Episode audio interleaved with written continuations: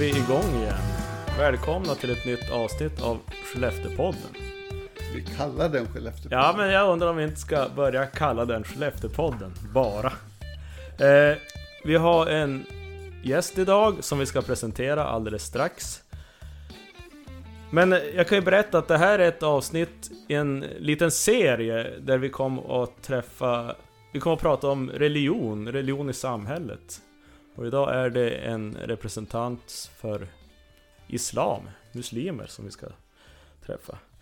Men jag tänkte vi skulle värma upp diskussionen med en väldigt, en mjuk start.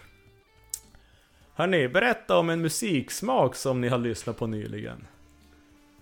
Leif, Musik som jag har lyssnat på nyligen. Uh, jag har hakat upp mig på Sabatons eh, svenska låtar okej. eh, På slutet. Så mycket om eh, Karoliner och Sveriges stormaktstid i heavy metal format. Alltså det är inte vitmaktmusik alltså? Det, nej, Nej, kan man inte direkt påstå. nej jag har ingen aning. Nej. Historisk metal eller vad man ska kalla det. Du då? Eh, jag, det senaste jag eh, lyssnade på faktiskt, jag halkade på Leonard Cohen. En eh, mycket favorit eh, sångare, men jag gillar hans poesi. Som liksom eh, beskriver eh, tydligt och klart saker och ting som händer i livet, alltså på riktigt. Ja. Jag kan berätta varför jag ställer frågan. Jag har själv lyssnat på något som är ganska ovanligt. Jag har lyssnat på Russian Hard Bass. Alltså, det är... Jag, egentligen... Alltså det är ju på ryska. Jag har ingen aning om vad de sjunger om. Men det låter roligt. Och det är ett välda beat. Så det där har jag faktiskt lyssnat på. Det var min äldre son som... Eh, ja men han hade det på Spotify och jag tryckte in mig där. Ja. Nog om det. Vi vill välkomna dig, Larsén Källig, till ett avsnitt idag. Tack. Känns det bra att sitta här? Eh, mycket bra. Berätta lite kort om vem du är. Eh, Jag eh, heter Lassan Kärlig. Eh, Jag är född i Alger, huvudstaden i Algeriet, alltså för exakt 60 år sedan. Alltså hur exakt? Det är ungefär två veckor sedan du fyllde 60. Typ. Får vi Ja. säga grattis Ja. efterskott. Tack. Ehm, och ehm, jag levde där fram till jag var eh, 22 år. Och då eh, packade jag min väska och sökte mig i den stora världen. Ehm, jag upptäckte som att eh, under flera år som att jag är i ett fel land. Med, med mentaliteten och hur jag ser på saker och ting och så vidare. och Så vidare. Så eh, försvann till Sahara först eh, när jag var 18 år, 19 år. Jobbade där eh, drygt två och ett halvt år, tre år och sen eh, såg jag det värsta som jag kunde inte föreställa mig. Och, och rättvisor, eländet. Liksom ingenting stämmer mellan politiken, socialt och alltihop och så vidare. Och eh, då, då bestämde jag mig att jag måste packa och dra iväg någonstans. För att, och eh, Sverige var det land som eh, inte kräver visum. Efter att jag misslyckats att få visum till Kanada. Eh, det är mycket krav och så vidare. Men eh, Sverige var, var eh, visumfritt så eh, hamnade jag här. Du hamnar här. Ja, Och hur du har hamnat här, det kan jag berätta om. Och nu menar jag i våran podd. Okej. Eh, det är, jag har googlat mig fram för jag, jag, jag letar gärna på nätet. Nu har det visat sig att vi har träffats förr. Vi har Ja. hunnit prata om det i början. Men det är ju för att jag tänkte på Islam i Skellefteå och så hittade jag att du är ju engagerad i Skellefteå Islams kulturcentrum, mångfald... Vad står det? Ordförande i Mångkulturellt forum. Ja om Muslimska föreningen? Alltså vad, kan du reda ut det här? Alltså det finns bara en uh, Skellefteå, Skellefteå Islamisk Kulturcenter som, som det heter. En förening som eh, bildades officiellt i augusti 2004. Uh, under 90-talet vi, uh, vi började i Skelleftehamn där vi träffades hos varandra. Vi var alltså fem, sex stycken och sen gruppen började växa och så vidare.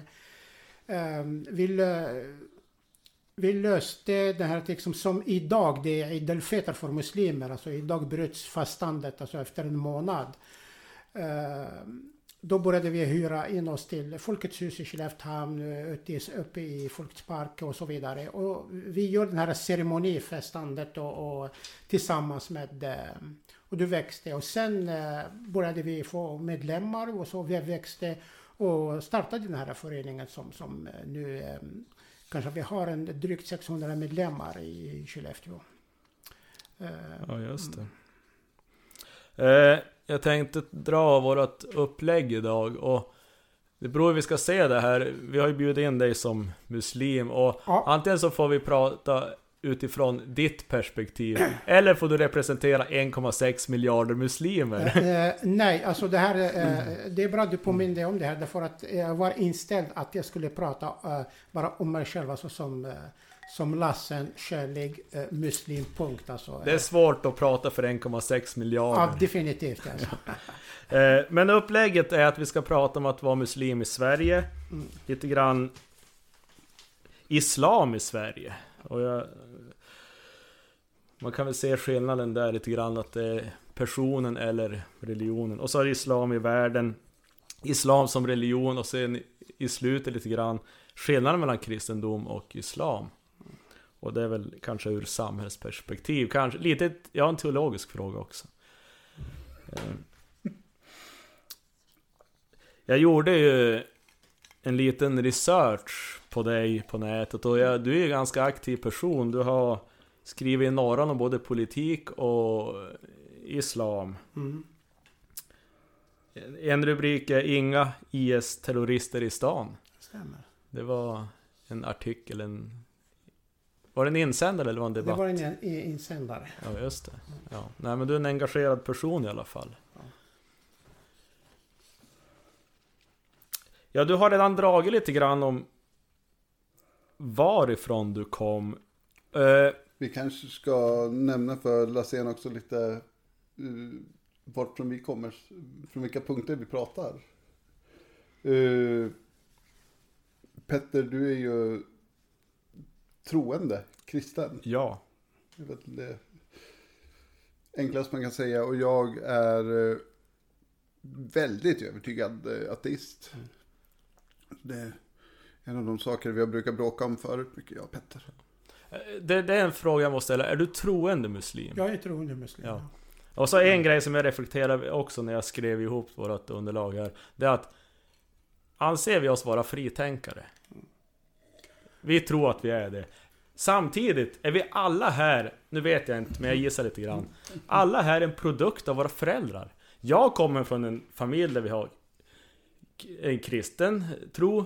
Leif, dina föräldrar är inte troende, de är ateister. Åt det ja. hållet. Och jag gissar att du kom från familj där, du, där det är Islam. Alltså om jag ska nu äh, ta, ta, lite tid och berätta om, om mina föräldrar. Alltså jag, jag är ett, ett, barn av sju till, till två äh, analfabeter. Men äh, mycket kärleksfulla och engagerade föräldrar. min mamma hon är, är plikttrogen muslim, eh, ber fem dagar i veck, eh, fem, fem gånger i, eh, på dagen. Eh, gör liksom allt så bra som det är bara möjligt liksom. Eh, utan att hävda sig liksom att jag gjorde eller någonting. Min pappa han är periodare eh, när det gäller både islam, förpliktelser och alkoholism. Och vi barn, vi är också liksom växte upp där. Men många av oss syskon är mer muslimer så att säga. Vi, vi dricker inte alkohol, vi, vi sysslar inte med eh, olagligheter och förbjudna saker och så vidare och så vidare.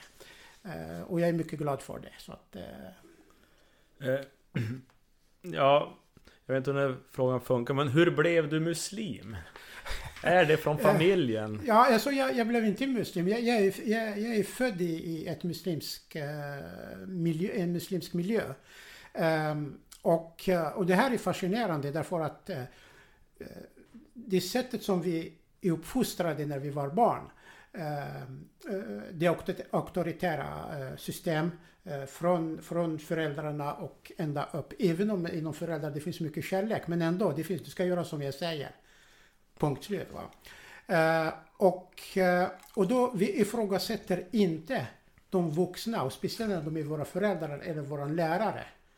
Det finns inte en chans att du ifrågasätter och sen du ska hålla truten liksom och acceptera situationen. Det är inte som här liksom när jag sett eh, hur, hur, svenska barn uppfostras och utbildas och så vidare. Där man lär dem hur man ska vara kritisk mot eh, saker och ting och så vidare. Det ingår i utvecklingen. Va? Eh, för oss det var förbjudet och det bara eh, acceptera. Och det är därför när man kom till exempel till Sverige då eh, så fort man vet, ja vad heter du Lasse, varför kommer du Algeriet? Oj, eh, är du muslim? Ja, varför äter du inte griskött? Alltså det är liksom standard eh, inledning för all diskussion. Och jag kan inte svara på frågan. Därför, ja, det, jag säger, det är haram, det är förbjudet, punkt slut. Jag behövde inte, ingen gör det i, i min omgivning. Men, men... Eh, jag äter bacon idag. Tänk om alla muslimer visste hur gott det är. ja, och, eh, och den, den, den, den uppfostran. Och sen, jag hade lärt mig mycket om Islam under mina två, två till fyra års vistelse i Sverige. Därför just de här frågorna som för mig är självklara i min uppväxt. Vad, vad, mamma säger, vad pappa säger, vad eh, vuxna släktingar säger, grannar, eh, läraren i skolan. Det, det, deras ord är i lag ungefär. Va? Men det där kan jag ju känna igen lite grann att när man blir ifrågasatt måste man ju också ta reda på sina egna svar.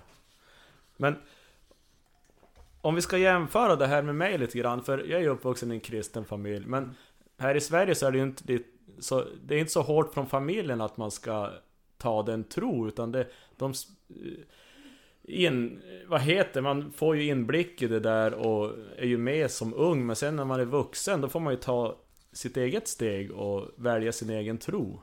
Och det gjorde jag också när jag var, man kan väl, jag vet inte om jag var, jag drygt 25 år.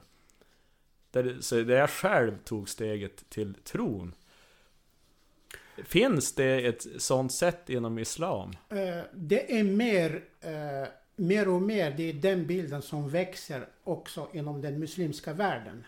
Eh, inklusive liksom den värst eh, auktoritära landet, så, eh, Saudiarabien. Där det finns eh, människor som, som kanske som du eh, är ateister och hävdar sin, eh, sin närvaro med, med eh, islamsk rätt så att säga. Att man har rätt att vara ateist. Men staten tvingar dig att tro på någonting som du inte är övertygad om. Så det är den här konflikten är väldigt, väldigt laddad i många eh, muslimska uh, länder. Alltså unga nu när, när, när eh, även om när de växer upp och, och, ser att ja, pappa och mamma går till moské, de ber fem gånger per dag, de eh, fastar, de gör det eh, och så, och så vidare. Det, de gör det. Men det finns ingen garanti, det finns ingen självklarhet att när de blir vuxna att de också följer den vägen. De kan bli vad som helst. Men grejen är att man fortfarande, eller många av dem, hävdar sin islam gentemot andra.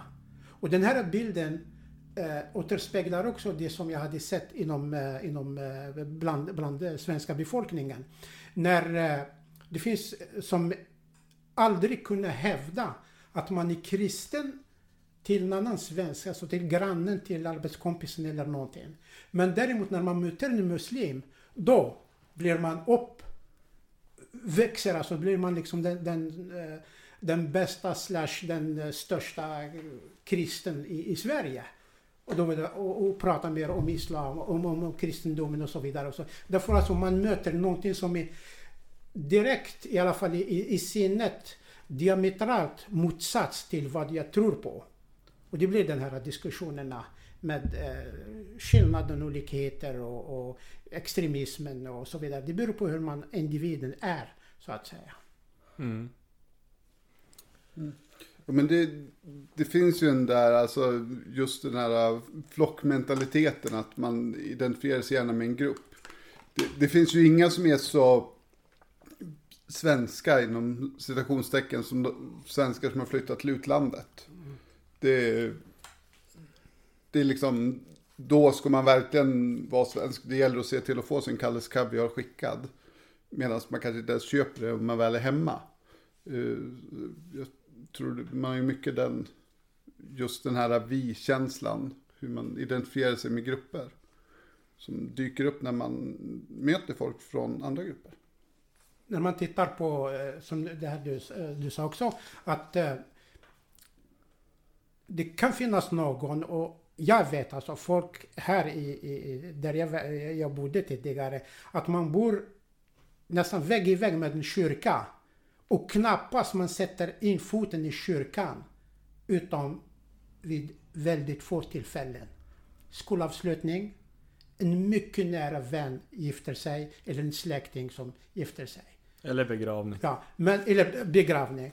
Men i övrig, i resten av året träffar han eh, en muslim eller träffar hon en muslim så blir det religiös, eh, den kristna religionen gentemot eh, den här muslimen blir mycket blir det mer, eh, mer, mer liksom eh, stark för den här personen som inte är intresserad av kristendomen.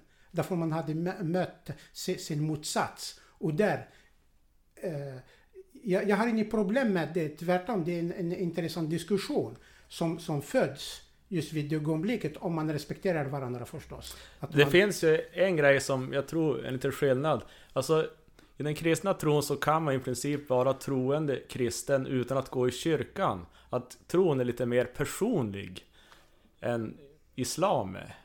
Eh, Islam också, det är någonting mellan dig och Gud. Alltså det är du som, som eh, eh, bestämmer det vad du ska göra och inte göra och så vidare. Men man rekommenderar kollektivismen när det gäller bönen eller de här religiösa eh, högtiderna eller något, att man gör dem eh, eh tillsammans. Det är, att, att, att, vi tar ett exempel, alltså en, en begravning. Här i Sverige eller i, kristendomen, man måste anmäla sig till, till någonstans om man ska delta i, i eh, begravningsceremoni eller någonting och så vidare. Där hos oss, i alla fall i, i Algeriet där jag växte upp, du kan kliva in på en begravningståg utan att du vet vem som har dött eller hur har dött eller någonting. Utan bara ditt deltagande där att be Eh, för den här eh, människan som har läm- lämnat jordelivet är det, är det som räknas. Men om du inte gör det, det finns ingenting som du, liksom skuld eller eh, negativt i, i, i sammanhanget. Här man måste, det är därför här ibland, jag känner många genom jobbet, kanske jag känner dem i något sammanhang och då läser jag i Norran alltså en dödsannons. Va? Då kan jag inte göra det utan jag måste lyfta telefonen och sen ringa och säga ja, här jag beklagar sorgen och så vidare. Och så vidare. Du Ja, kan jag det. vara med på, på begravningen? Jo, men, oh, eh, jo, självklart! Och, så, och nästa fråga då kommer, ja, ehm, om jag ska fika eller inte. Nej, eh, Stöt inte i micken. att man eh, att, att man liksom gör den här seminarien. Jag säger ingenting att det är negativt eller någonting, utan bara... Men det är ju en skillnad. kulturell skillnad. Det är måste- kulturell ja. skillnad hur man hanterar sådana här situationer. Men det, jag, jag skulle vilja fråga lite grann om vilken typ av muslimer. Det finns ju några eh, Shia, Sunni, sådana här. Vad betyder det egentligen? Eh, Shia, de- Shia muslimer, de är muslimer som alla andra muslimer. Det enda skillnaden det är att eh, eh, i, eh, efter profetens död, då bildades de här eh, Shia som promotade hans kusin eh, eh Ali att bli deras profet. Men eftersom, eh, eftersom profeten Muhammed sallam, är den sista profeten enligt Koranen, Guds ord, eh, då kan man inte människor tillsätta en ny profet. Och det där blev det sen dess en, en, en konflikt mellan de här Men var inte det lite grann politiskt också? politisk i den meningen att de som är för eh, den här bilden, av att man ska utnämna det, eller anhängare till Shia, det är att du ska sätta in en människa mellan dig och Gud. Alltså, och det betyder att, som vi säger, eh, det största Shia-landet är Iran. Och där alla deras eh, motsvarande präster eller imamer och så vidare, ehm, mulla, alltså de, de är, kallas för ayatollah. Alltså det är Guds signum. Alltså du sätter en människa med i, i samma nivå, som, i samma klass som, som Gud. Och sunniter, de tycker inte om det, utan säger alltså Gud är, är någonting helt annat och så vidare. Men när ni har sådana här eh, muslimska föreningar i Skellefteå, då blandas alla i samma grupp?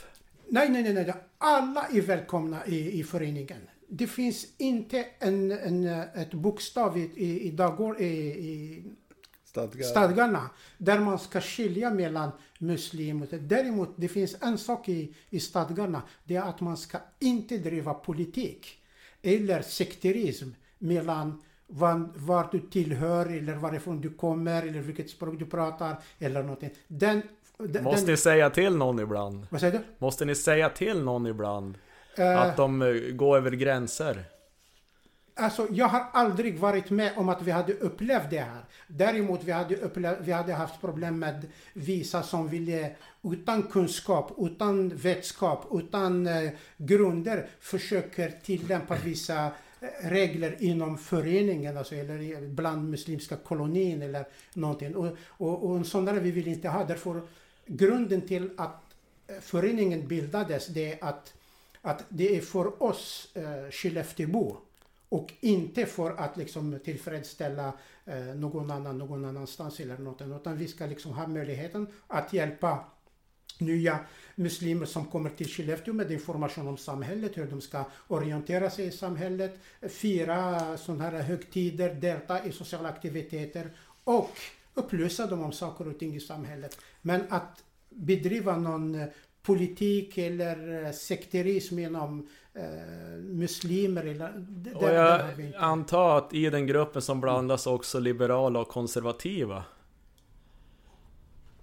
Exakt. Vilken sort skulle du säga att du är? Alltså jag är mer eh, liberal.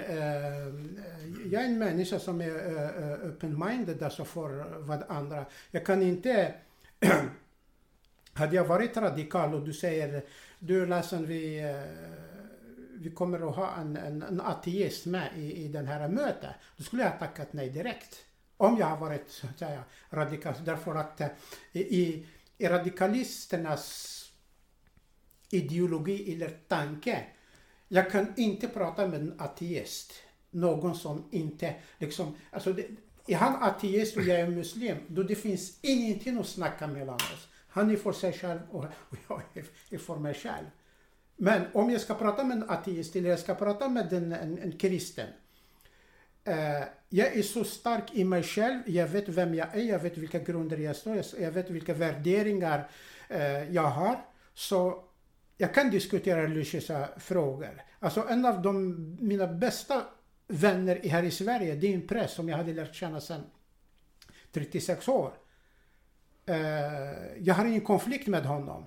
Jag upplever inte, du han är präst, han, han, han, han ska liksom eh, lura mig och att konvertera eller att man ska på, på, pådyvla mig saker och ting. Nej, absolut inte. Vi diskuterar religiösa eh, frågor varje möte vi har. Och det är likaså med ateister också. Det finns ateister som är, är bra människor. De har ett mål med sin övertygade. Men det finns också andra ateister som eh, är mer våldsamma i sin retorik gentemot religionen oavsett om det är eh, islam eller eh, kristendomen eller eh, buddhism eller vad är det. Så det, det finns sådana här individer också. Mm.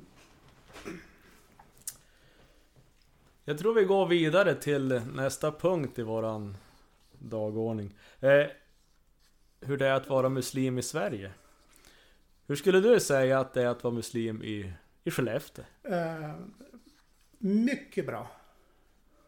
Därför att eh, en av grunderna är att eh, jag, får, jag får göra precis vad jag vill utan att eh, någon pekar på mig. Även om jag gör saker och ting kanske regel, regelmässigt eller är felaktigt gentemot islam. Därför jag är människa och jag gör, jag gör fel och jag gör saker eh, kanske som är obekväma och så vidare. Det, det, det gör jag. Men jag känner mig mycket eh, komfortabel med mig själv som muslim i Skellefteå och i Sverige. Stöter du på fördomar ibland? Det händer, ja. Och hur ser de ut då?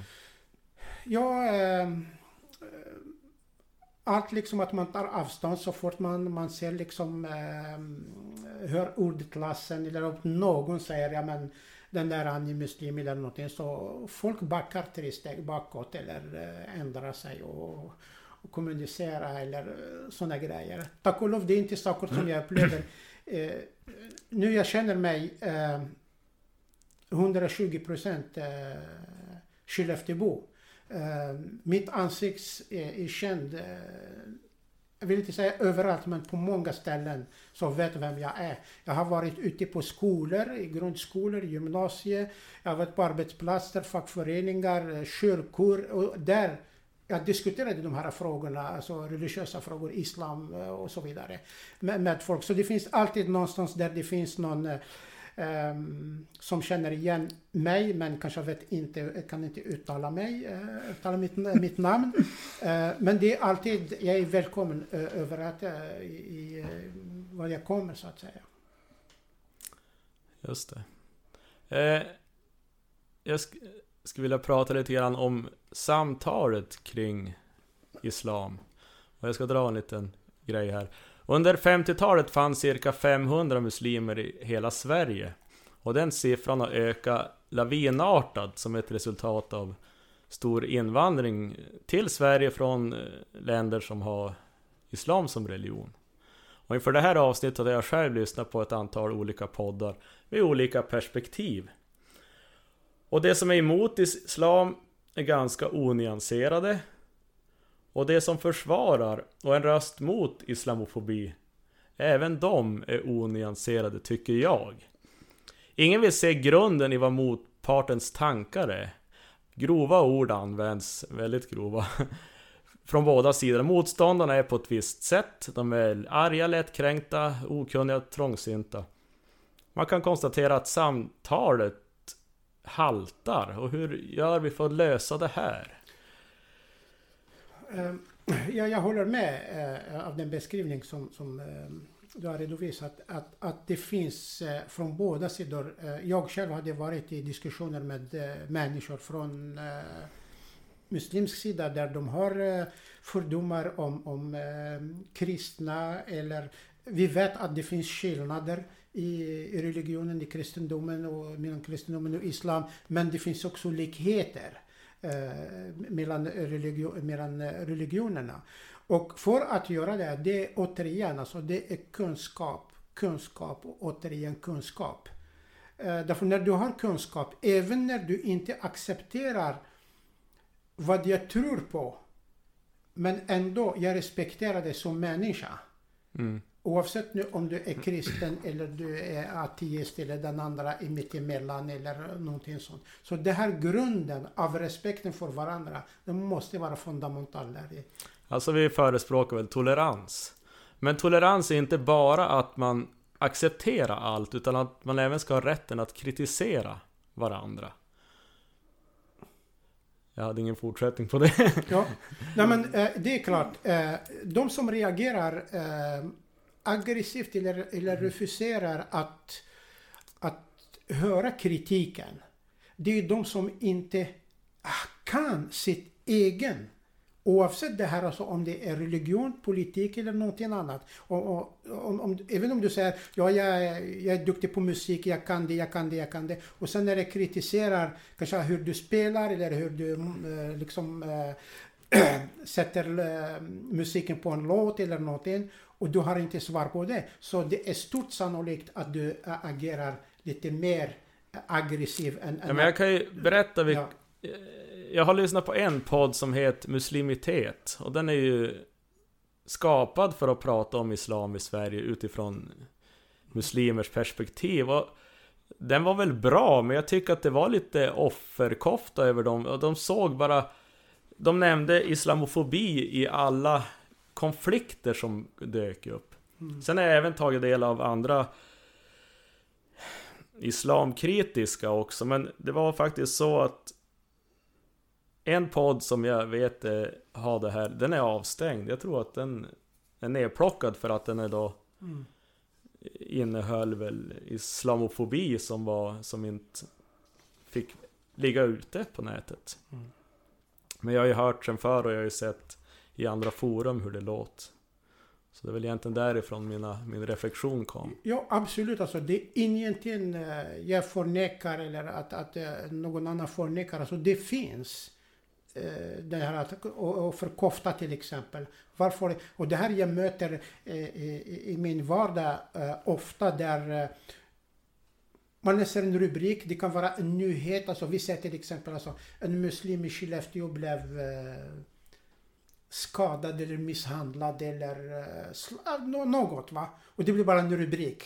I, ja, och sen eh, text och så vidare. Och kanske de här personen varken behärskar eh, svenska språket eller hade läst hela texten i, i, i, i, i tidningen eller i, i mejlet eller någonting sådär. Och direkt reaktion blir det att man sätter, titta vad de gör med oss, titta så, så där och så vidare. Och då när man säger, eh, har du läst det och det och det och det och det? Nej, man hade inte läst det. Och då man reagerar bara på en rubrik eller ett ord i eh, ett sammanhang och sen eh, utvecklar det. Men det är fortfarande det är bristande kunskap och ingenting annat. Men det är fantastiskt viktigt att vi har ett samtal som är på en bra nivå idag. För att det här med Islam i Sverige, det är ju, det är ju relativt nytt. Det har liksom kommit till Sverige. Och vi, kom, vi kommer måste lära oss leva med varandra på ett sätt som... Eh, Du, du nämnde tidigare att, att eh, muslimer de har varit 5000 eh, 500 på 50-talet På och fem- sen dess har det Eh, ökat. Och sen dess, men vi ska inte glömma så de, de här eh, nu Kanske nu vi är uppe i 600 000 eller något liknande. Glöm inte kanske att minst en tredjedel är födda här i Sverige. Alltså andra, tredje generationens eh, eh invandrade invandrare eller flyktingar eller någonting. Så att eh, de- den där, de där siffrorna det beror på hur man eh, kategoriserar dem. Så att, eh, eh men att, att muslimer eller som alla andra immigrerar och flyr och av olika anledningar befinner sig i, i Sverige. Det finns skäl liksom till, till, till det. Mm. Får man skämta om muslimer? Absolut, alltså jag tycker om det. Jaha, har ni följt Gina Dirawi? När hon, Yes. när hon började sin karriär? Hon hade ju en eh, fantastisk skildring av syster Sadeshi eller vad hon hette. Mm. Tror inte jag känner igen. Don't Mess With The Soul är en film som driver om Mellanöstern och profilerna där. Och Lars Vilks. Han ritade en hund så han var- vart ju inte populär. Mm. Mm. Han gick över gränsen. Mm. Eller vad säger du om det? Eh, alltså min reaktion för, det, för uh, Lars Vilks till exempel, det är att eh, de som har varit emot honom, bland, bland muslimer och icke-muslimer som sympatiserar just på hans handlande och så vidare. De hade gett honom mer cred av det han hade gjort i mil, liksom, eh, gratis reklam. Han skulle inte ha världens pengar att göra betala den här reklamkampanjen. De hade hjälpt honom eh, med det. För det första, han har sin egen, han är, varken, han är inte muslim och jag vet inte om han är kristen eller men han hade eh, fört alltså sitt konstverk på det sättet han gör. Det räcker som muslim att, att inte tycka om det. Alltså så här, jag tycker inte om den där, eh, vad heter det, Rondell, rondellhunden. Och jag tycker inte om det heller. Men att gå så långt liksom, eh, dödshota honom och försöka liksom, ja, det är bara... Alltså det, det, är, det är emot islams eh, grunder, alltså värdegrund. Det Det blir inte samma reaktioner när man hånar kristendomen. Vad säger du? Det blir inte samma reaktioner när man hånar kristendomen. Jag kan tänka mig i vissa kretsar... Nej men vi vet ju av historien, ta det här, heter det Ecce Homo, där man skildrar Jesus på ett sätt som inte alls... Hansson, den kristna Ja. kvinnliga artisten. Ja. Alltså det blev ju protester kring det, men jag känner inte till att det vart något längre än så. Nej, men eh, det finns ju, det finns inte några exempel i Sverige på vad som heter, men i USA så har vi ju. De är ju också en extremi... Ja, och, Och då har man lämnat USAs kust också gissar jag. eh, jo det hade man ju. Eh, men det är ju, det är extremism som är problemet och inte de eh, enskilda religionerna i det fallet. Eh, kan jag väl tycka. Eh, sen så har det väl, eh, jag, jag tror att en del av skillnaden där som man kan se, just det du nämner med, eh, många av de muslimska länderna har haft en eh, väldigt eh, auktoritär ledning. Väldigt många har det fortfarande. Eh, medans eh, de där kristendomen har tagit fäste eh, har eh, fått ja, men, franska upplysningen som har slagit igenom på ett annat sätt. Eh, och är väl mer demokratiska i sin utformning. Alltså... Ja nu kanske jag Så avbröt. det, jag tror det påverkar lite eh, hur reaktionerna ser ut. Jag tror att vi glider in på nästa punkt på ett ganska bra sätt här. Och det är alltså Islam i Sverige. Eh, jag kan ta den här. Alltså vi har ju nämnt att det är en stor invandring från muslimska länder och flera moskéer byggs runt om i Sverige. Eh, I Sverige är kristendomen inte en del av politiken men Islam ligger ofta närmare politiken än kristendomen. Och jag tror också att det är en anledning till att folk är skeptiska. Och frågan blir så här. Kommer Islam bli en politisk kraft i Sverige? Alltså jag tror inte att eh, ett demokratiskt eh, land, när, när själva islam är inte en, en, ehm, en egen kraft, även i de här auktoritära muslimska länderna, alltifrån Saudiarabien ända till Marocko. Um, och här i Sverige, och, och det det system som drivs där, alltså att man Alltså, man skiljer man skiljer islam från politiken, alltså med alla medel. Eh, trakasserier, uppför, eh, förföljelse, eh, alltihop. Men här i Sverige, så länge det demokrati fungerar, så länge debatten är öppen och är ärlig, så länge kritiken är tillåtet, så länge samtalet pågår, jag tror inte att det kommer att bli att, att som man, många säger, därför jag hörde den här, eh, att, att, att islam tar över. Det kommer inte, däremot muslimer kommer att finnas under eh, olika omständigheter. Det, det, det, det, det men nu är det helt andra förutsättningar. Men Iran såg ut som Sverige på 60-70-talet. Men det förändrades det när det blev... Ja, vad heter det? De tog över muslimska ledare. Revolutionen. Revolutionen. Eh, Du, men, du, men, eh, du sa Iran? Iran. Ja, eh, Iran, alltså, när, ja, de kom och tvingade islam för iranierna. Alltså iranierna, de, de, de var muslimer redan då. Men det som skiljer sig det är att det finns de som har det eh, bra, de har mindre och så vidare. Och sen kom då eh, de här som drev revolutionen med Khomeini i spetsen från Frankrike i sin exil. Och, och, och, och kom och lovade saker och ting. Och vad som hade hänt, det är att iranierna, de hade inte haft det bättre eh, jämfört med det de hade liksom befriades ifrån. Och fortfarande, det finns den här konflikten stående efter mer än 30 år eh, av, av revolutionen. Och det, här är, och, och det är därför mer och mer eh, de här regimerna i de här, eh, den här regionen, de kommer att fortsätta leverera och tvinga muslimer att fly från sina rötter.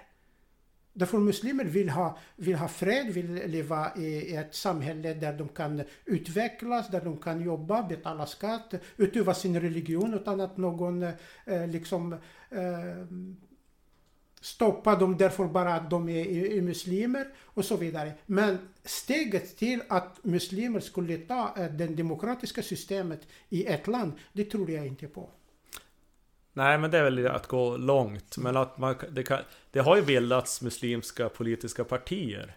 Och de kan ju få inflytande i politiken och ändra Eller påverka Alltså, Om jag- de får så mycket röster Alltså jag, känner, jag känner inte till politiska parti, eh, muslimska politiska partier faktiskt. Alltså det, det, det kan jag inte påstå, det kan jag inte säga någonting om det. Ja det är så litet nu så det knappt finns men jag vet att det Ja. har startats ett Eh, eh, eh, och, och om de skulle startas, jag kan säga dig att de kommer inte att överleva mer än själva eh, valkampanjen så att säga, om de skulle kandidera. Av det skälet, alltså muslim, muslimer själva kommer att stoppa dem. Var, nu de- Varför? jag tror, om nu de här som ligger bakom eh, de här partierna, eller när vi säger det här par, muslimska partiet, om den blir eh, verkligen, ja, det, det finns det. Då ska man kolla för det första hur man hade finansierat den här verksamheten. Om, om det skulle finnas eh, händer som ligger utanför. Vi vet att Saudiarabien till exempel är en av de länder som finansierar eh, Eh, moskébyggen och eh, läger och så vidare. Och när de, när de, när de, ligger, när de ligger och finansierar dem, de kan locka till sig eh, individer som har så att säga drömmar att göra ett, ett muslimskt land eller någonting här i, Sverige. Och då, då tror jag inte att, i alla fall jag kommer inte att rösta för någon som som skulle eh, hävda att han ska föra Men det är ju Pengar kommer från Saudiarabien till vissa moskéer Men Det- det- kom inte de att kräva någon slags inflytande när de ändå har sponsrat de här moskéerna? Eh, jag, kan säga, jag kan säga en sak eh, till det när det gäller Skellefteå, Skellefteå moskén, vår förening. Ja. Vi blev erbjudna. Vi tiggde böcker, vi, vi tiggde litteratur när vi startade. Och ehm, vi hade fått eh, emissärer. Eh, den ena som känner den andra känner den andra och så vidare. Och vi hade fått det och sen eh, vi fick ett eh, telefonsamtal där man säger att du, eh, glöm det.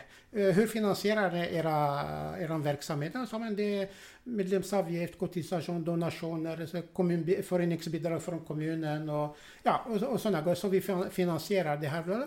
Och då eh, förslaget var att glöm det. Så vi kommer och att eh, eh, stå för en, en, en kostnad för en lokal. Inte den som vi har nu eh, i stan. Eh, vi kommer att skicka en eh, imam som ska sköta eh, allt det. Då vill jag på luren. Tack så mycket. Alltså, Eh, det går tvärs emot det, eh, den idé som gjort att vi startade föreningen. Vi startade föreningen för Skellefteå muslimer och inte för att någon som har ingen, den bara hade gått 33 år på en muslimsk akademi eh, någonstans i Saudiarabien och sen kommer hit och vet inte hur Sverige fungerar. Att, att de skulle liksom betala hans eh, uppehälle och så vidare. Och då vi ska nöja oss att vi har en, en palats, vi har en, så, där vi hade tackat nej till det. Och det här det hade hänt alltså 2006, 2007 någonstans. Det låter väldigt bra Men det är inte alla moskéer som gör så Ja, nej absolut. Det finns, eh, det, det finns de som gör det. Ja, men det, det, det, alltså, det är ju som med alla, det, det finns rötägg och det finns eh, bra i de flesta rörelser i alla fall, ska vi väl säga. Uh, och, ja men det, är- alltså det är ju något som händer, uh, att vi har utländska intressen som försöker få inflytande på olika sätt. Uh, I tors, torsdags var det nog. Ett par dagar sedan, jo, det stämmer. Eh, så hade det ju stormat in ett gäng på en eh, rysk-ortodox församling nere i eh, Stockholm. Och alla hade kommit in med utskrivna undertecknade medlemsansökningar och skulle bli medlemmar och krävde att det skulle kallas församlingsmöte. Och det handlade väl om att de ville byta så att de lydde under den Moskva-patriarken istället för den bulgariska patriarken som de lyder under idag. Så rent övertagningsförsök från Putin och kompani. Eh, så det, det finns ju Det där har jag missat. sådana också. Ja, Jag har bara sett det Gick på bra? Nej, jag, såg, jag såg inslaget i Rapport. I Ja. Aktuellt, ja. Ja, jag har sett någon, eh, brevet som han skickade ut. Uh, uh, prästen där i församlingen. Jo, de, eh, de stoppade det och bad dem gå därifrån och tillkallade polis. Det lät som ett korrekt ingripande. ja, ja. det, men eh, det händer ju.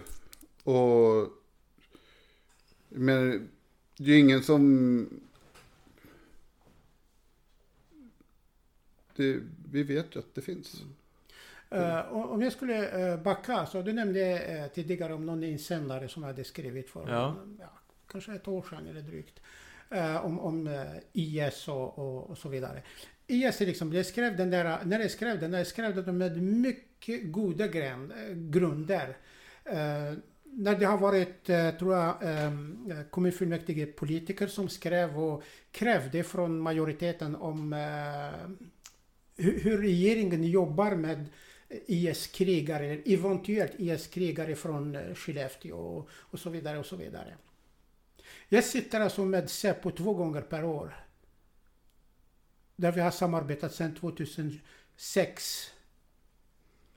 Inte bara om de här frågorna, men mycket annat som sker och så vidare. Och, och, och sånt där. Och just under de här perioden av IS när de var aktiva, kontakterna var ännu mer tätare. Telefonledes och, och, och eh, så här face to face möte eh, i stan.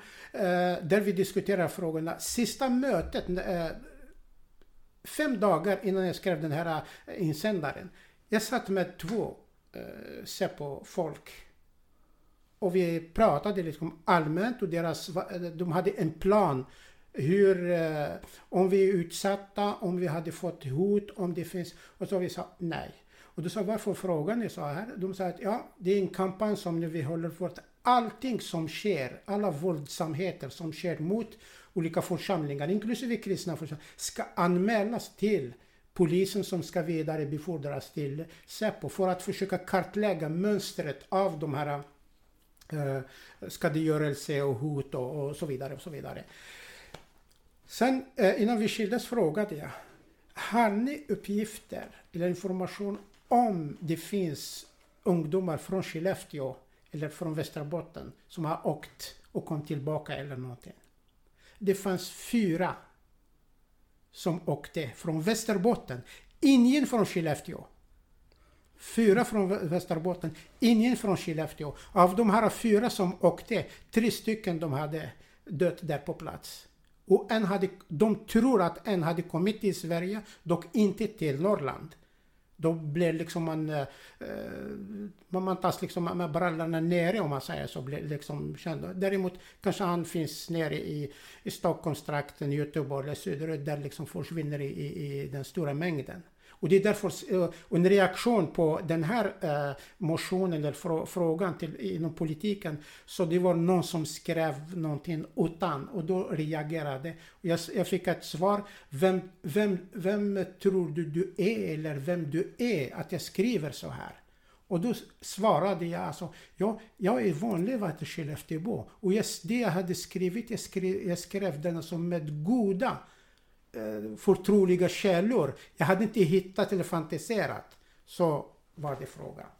Vad bra att du fick utveckla det här nu. Ja, så att jag vill bara säga. Därför vi också som bor här i Skellefteå och vi är muslimer. Vi är måna om, om Skellefteå, vi är måna om alla som bor i Skellefteå, inte bara muslim, muslimer. Um, moskén hade utsatt för flera, um, jag tror totalt kanske fem, sex um, incidenter. Eh, några hade vi gjort polisanmälan, några vi hade bortsett och så vidare. Men vi känner oss mycket trygga i Skellefteå. Även därför de här, det som inträffade, det kan ändra också för en idrottsförening i, i Jörn eller i Morobacke eller någonstans. Ja, det låter bra. Men det jag skulle vilja att vi ska reda ut en grej här. Och det är alltså...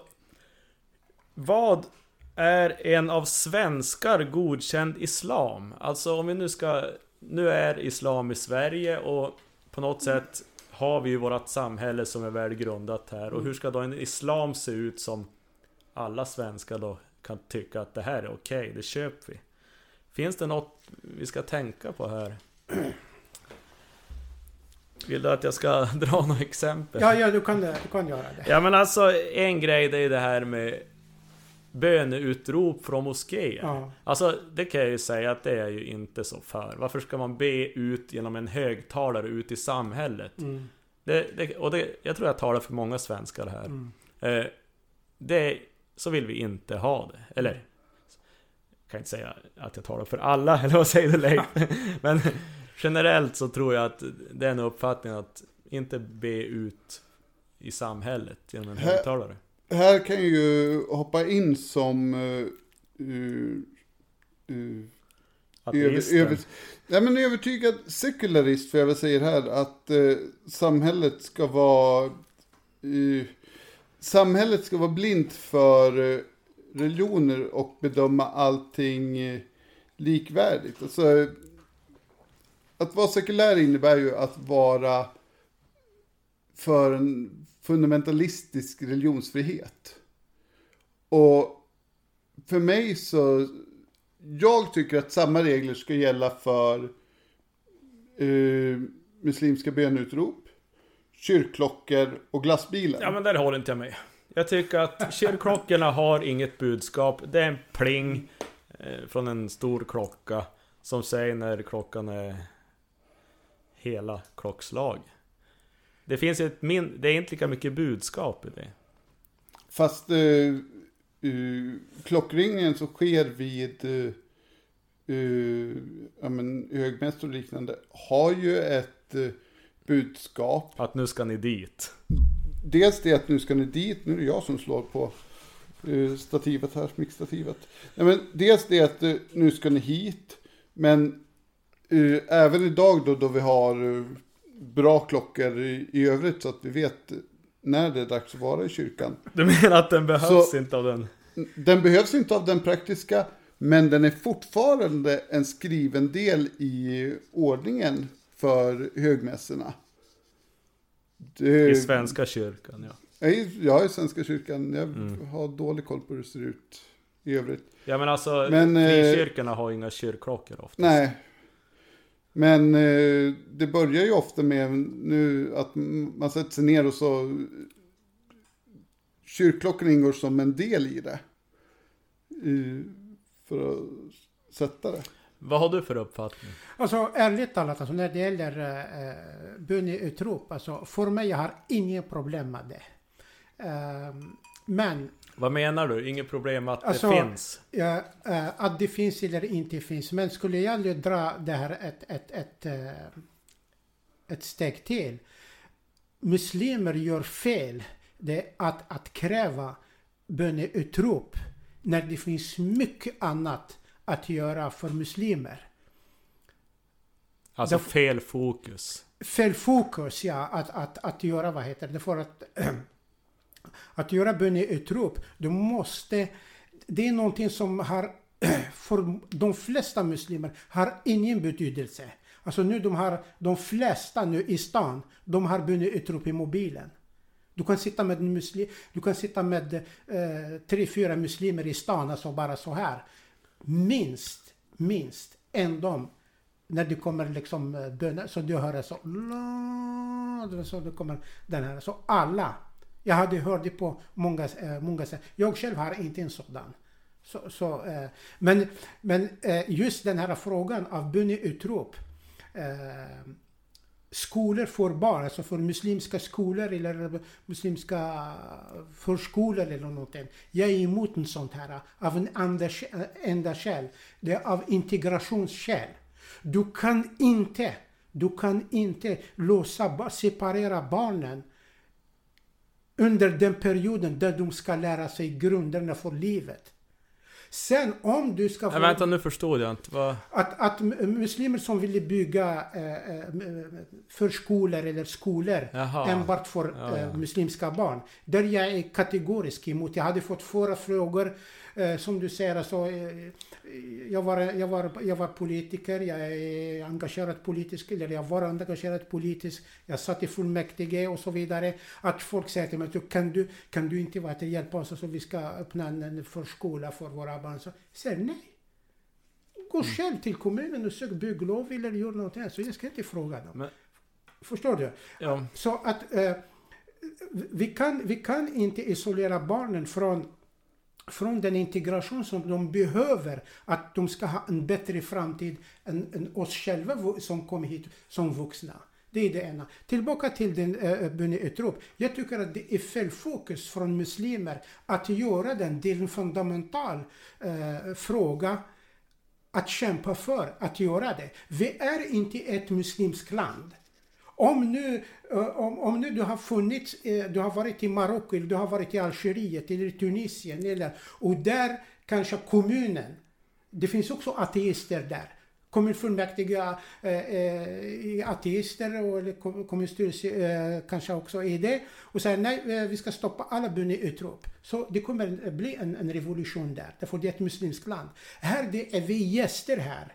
Vi, är inte, vi har inte liksom, eh, Eh, samma, samma bakgrund för att kräva eh, den här böneutrop att det ska vara centralt. Vi är tacksamma om vi skulle ha bara en lokal där vi kan samlas, be, be tillsammans, fira sak, eh, högtider, högtider tillsammans och, och så vidare. Men de som gör det, eh, gör det av en helt andra skäl. Alltså, ett sätt, jag ska säga det, Umeå, Umeå muslimerna i Umeå.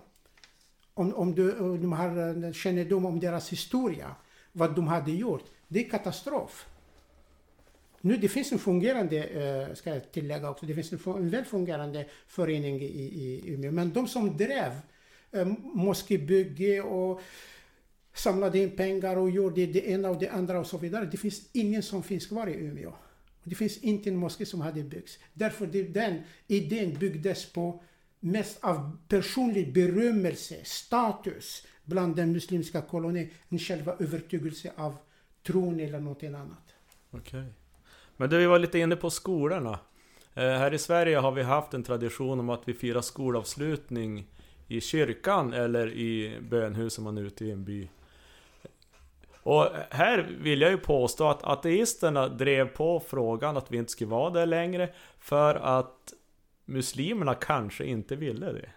Kände det, är det en Mm. korrekt beskrivning? där? Nej, jag skulle inte vilja säga att det har varit så mycket för eh, att muslimer inte har velat det. De jag framförallt vet, eh, de, enda jag vet som inte har fått vara med eh, på skolavslutningar eh, av religiösa skäl är Jehovas vittnen. Jehovas, tänkte jag också gissa när du sa sådär. Ja. Ja, vad, vad tyckte du då om... Eh, Jag var mycket överraskad när eh, debatten om det här ämnet var som hetast. Och eh, de som drev det här, det är inte muslimer. Precis, nu bekräftade min teori här. Det är inte muslimer. Det är kanske det är mer folk som ligger kanske mot vänster eller jag ska inte nämna något parti, men i alla fall det är inte muslimer. Det, det finns bland muslimer som vill inte delta i den ceremonin. Men med tiden, den, är, den hade försvunnit. Det är ytterst mindre och mindre och mindre som ha, har fortfarande den ståndpunkten. Men de flesta muslimer, de deltar i det. Och det, jag har aldrig varit med om, själv jag hade i skolavslutningen, jag letade så att det är många som jag känner, Irak, Syrien, Tunisien. Alltså. Och då går det, du hör det? Och sen, de har ingen problem med det. Och då, deras eh, replik, det, eh, vad, vad- är det som, alltså, varför de säger att muslimer vill inte vara med, mot eh, deras skolavslutning och så vidare. Tar du eritreaner, både kristna och muslimska eritreaner, när, när det är skolavslutningen, det är den bästa dagen efter jul på året. Att se sina barn som man har räddat dem från ett helvete och nu bidragit till att se dem ta ett steg in i ett bättre liv. De, har in, in, inte, inte det. Så att eh, den, man hade försökt politisera frågan ibland, men har ingenting att göra med muslimer. Däremot jag ska tillägga att det finns muslimer som vill inte delta i det, men de är en försvinnande eh, liten grupp så att säga, eller individer. ja. Nej men eh, det, jag kan ju bara hålla med. Jag har aldrig sett något inlägg från någon som jag vet är eh, muslim i den frågan. Mm. Eh, Det är väl snarare vi som eh, är för ett sekulärt samhälle som har eh, drivit på det, absolut. Och, Alltså fick jag rätt i slutändan? ja, men det, alltså, eh, för, för mig så, den drivande, det är en fråga som jag har engagerat mig i personligen. Eh, och dels för att jag har sett eh, de då som inte har fått gå på avslutningen. Det hemma i Mörsil så hade vi en rikets så det fanns ett gäng eh, vittnen där. Eh, och... Eh, Ska vi försöka få hit en Jehovas? Vi känner ingen. Vi skickar ut, eller du kanske känner någon? ja, det gör jag. Annars Eh. tänkte vi skulle efterlysa i podden här. Nej men fortsätt. Det kan vi väl förvisso göra. Om det finns någon som vill så är det bara att höra av sig till oss. Eh, men det som framförallt har varit också, det är ju inte lokalen utan det har ju varit att eh, prästen ska vara en del av avslutningen. Och eftersom frågan kom upp nu, nu kidnappar vi lite eh, intervjun här. Men uh, de ställen där jag tycker det har skötts absolut bäst är där skolan har frågat om de får vara i kyrkan eh, fina traditionsfyllda lokaler som jag inte har något problem med. Eh, kyrkoherden har svarat ja om eh, jag får hålla ett anförande också. Vilket är kyrkoherdens uppgift. Det, Alltså kristendomen är en Eh, eh hjälp, eh, missionerande religion. Och, och uh, uh, rektorn har i sin tur då svarat, nej men då får vi hitta en annan lokal. Det är ju de där jag tycker att alla sidor har agerat korrekt. uh, I den frågan. Alltså tiden går, vi ska hinna med fler punkter, så jag tror vi lämnar det där. Eh, Ja. Islam i världen är nästa punkt som vi faktiskt... Vi har egentligen pratat om några frågor här redan. Men vi har... Den här frågan vill jag ta. Vad gör ledande muslimer i Sverige för att hindra extremism? Det finns ju ledande i Sverige och du kan man väl säga en ledande profil i Skellefteå. Ja, ja, så, ja, ja, jag vet inte, jag, jag vill inte kalla mig för eh, eh, Eh, ledande profil eh, i sammanhanget, utan jag är bara en, vanlig medborgare. Eh, däremot, alltså, de som, de som vill politisera islam i Sverige eller har ambitioner till, till saker och ting, de är på, på, på, på, på fel plats. Så att jag, jag kan inte, jag kan inte, jag känner ingen som jag kan liksom referera till att man hade gjort eh, någonting, hur, ska man bekämpa terrorism och så vidare i Sverige. Vi måste göra, vi bekämpar terrorism i Sverige så, som nation.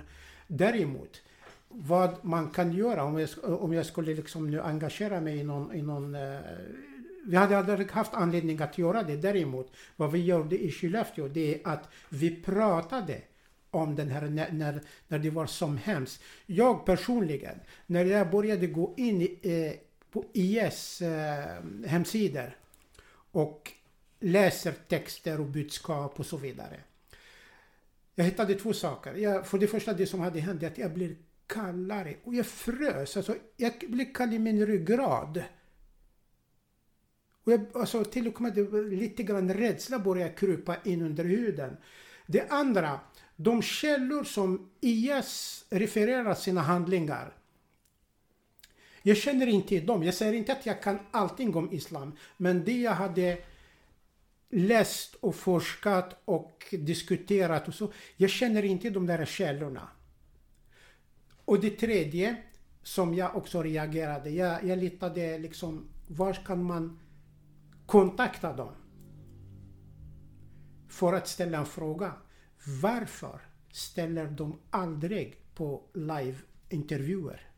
När de gör en aktion, de filmar den, de bränner en människa i en bur, skickar en video in i, i, i det fria och sen det finns ingen varför, hur eh, eller något, inklusive den här från muslimer som ska ifrågasätta dem.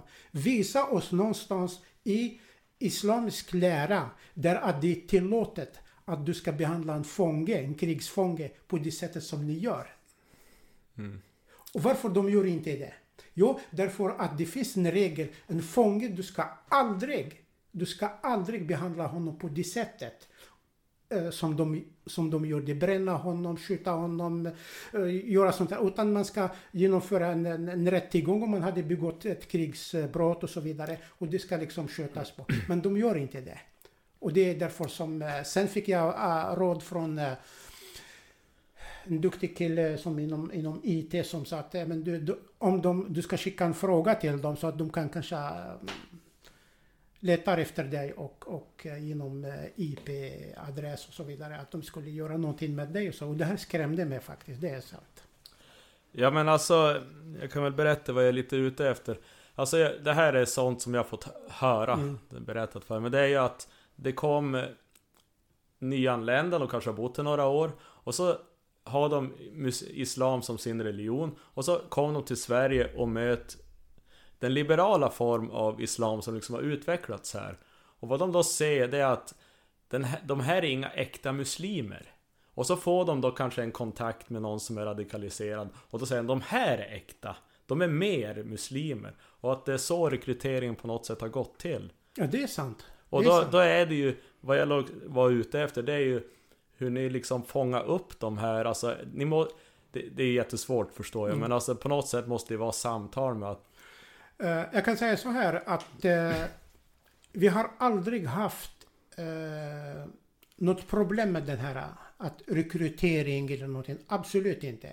Eh, vi är tajta med varandra, i alla fall ett, ett gäng vuxna som är tajta på varandra. Vi lyssnar på folk, men vi pratar om den här problem som du beskrev. Att det kommer folk som lovar eller pratar och så vidare och så vidare för. Men deras syfte är slutmålet det är att du ska göra det och det. Vi pratar med, med, ungdomarna, med ungdomarna som vi har i, i, i församlingen eller i moskén. Eh, vi gör det. Nummer två. Eh, det har varit en person i Skellefteå som var misstänkt under två år. var det han i Boliden? Nej, nej, nej. Jag säger inte varifrån, men den i, Bol, den i Boliden vi, vi, vi visste ingenting eftersom han, han, vi har aldrig hört talas om honom förrän det, det där hände. Det är asylsökande, han bodde i, i Boliden så att vi har inte någon kontakt med de som bor där. Men de andra som finns här, det finns en från ett samhälle i, i Sverige eh, hade åkt till ett land på grund av studier och det är dokumenterat och eh, Säkerhetspolisen hade det som en dagbok för allt vad han gjorde eh, och vad han gör här i Sverige. Till slut som släppte taget. Jag frågade dem själv. Har ni kommit till någonting? Och så vidare. Han sa nej, vi jobbar inte med Han var som misstänkt men inte alls skyldig, Ja. det så? Ja, Ja. precis. Mm. Ska vi gå in på Islam som religion? Och hur blir man en muslim? Ja, som jag nämnde här inledningsvis, alltså man, man föds i ett muslimskt land. och eh, man lär sig, de tar, man tar till sig uppfostras på eh, ett sätt. Ofta, man uppfostras inte överhuvudtaget religiöst. Utan det är någonting som växer. Ja, man följer med storebror till moskén. Man följer med farfar eller morfar till moskén. Man eh, i, till möten om, om någonting religiöst och så vidare. Och sen det växer upp. Eh, ja, jag är muslim. Men det finns ju de som konverterar. Till, eh, till kristendomen? Nej, till Islam. Eh, Det, det, det, det, finns. Här i Skellefteå vi har några stycken som har konverterat, ja. Ja, hur gör man då? Alltså jag menar som kristen då... Då... Man kan gå en alfakurs, då får man kunskapen och så sen då... Man omvänt sig och man... Man låter sig döpas och sen är man en följare till Jesus och kristen. Men finns det en sån där äh, ritual för att konvertera? Alltså eh, om man eh, i, eh, i Indien, Pakistan, eh, Sydafrika och så vidare. De gör en sånt här lite shower. Det är mest, eh, mest eh, showaktigt alltså med eh, sam, stor samling av muslimer, kvinnor och män. Och sen kommer då eh, en konvertit. Och då skulle man ställa några frågor. eh, och så vidare. Och, så, och sen man då säger den här eh, bekännelsefrasen där att, att, att det finns ingen gud än Allah och profeten Muhammed är hans eh, sändebud. Och eh, då, då man liksom klart alltså, det finns ingen dokument, det finns inget intyg, det finns ingenting, utan det är bara eh, orden och då är du välkommen i, i, församlingen och sen du får leva ditt liv efter de, de eh, eh, seder och, och bruk som... Det som finns ingen andlig punkt i det där, där man tar steget. Alltså, eh, vad jag hade läst till mig genom åren, eh, konvertiter, tror jag, i båda riktningarna. Eh,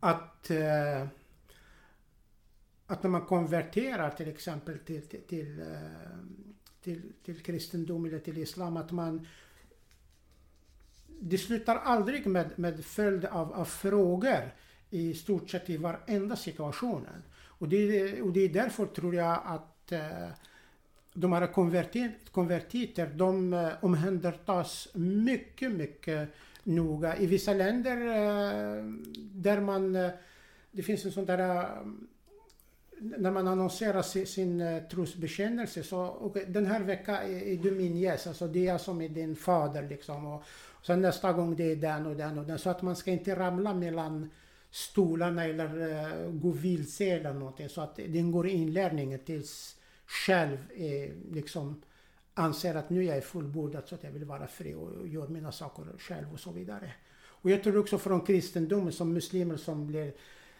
som konverterar, då ser jag också att de blir omhändertagna av eh, deras eh, deras eh, vänner inom kristendomen att eh, man möts ofta, man går eh, gör olika ritualer i kyrkan. Eller det, det behövs inte bara liksom kyrkliga aktiviteter men socialt. Speciellt om man eh, är flykting eller eh, invandrare ensam och så vidare. Man har inte ett socialt nätverk. Så det blir den här nya familjen och sen de lever eh, eh. Alltså om man lever...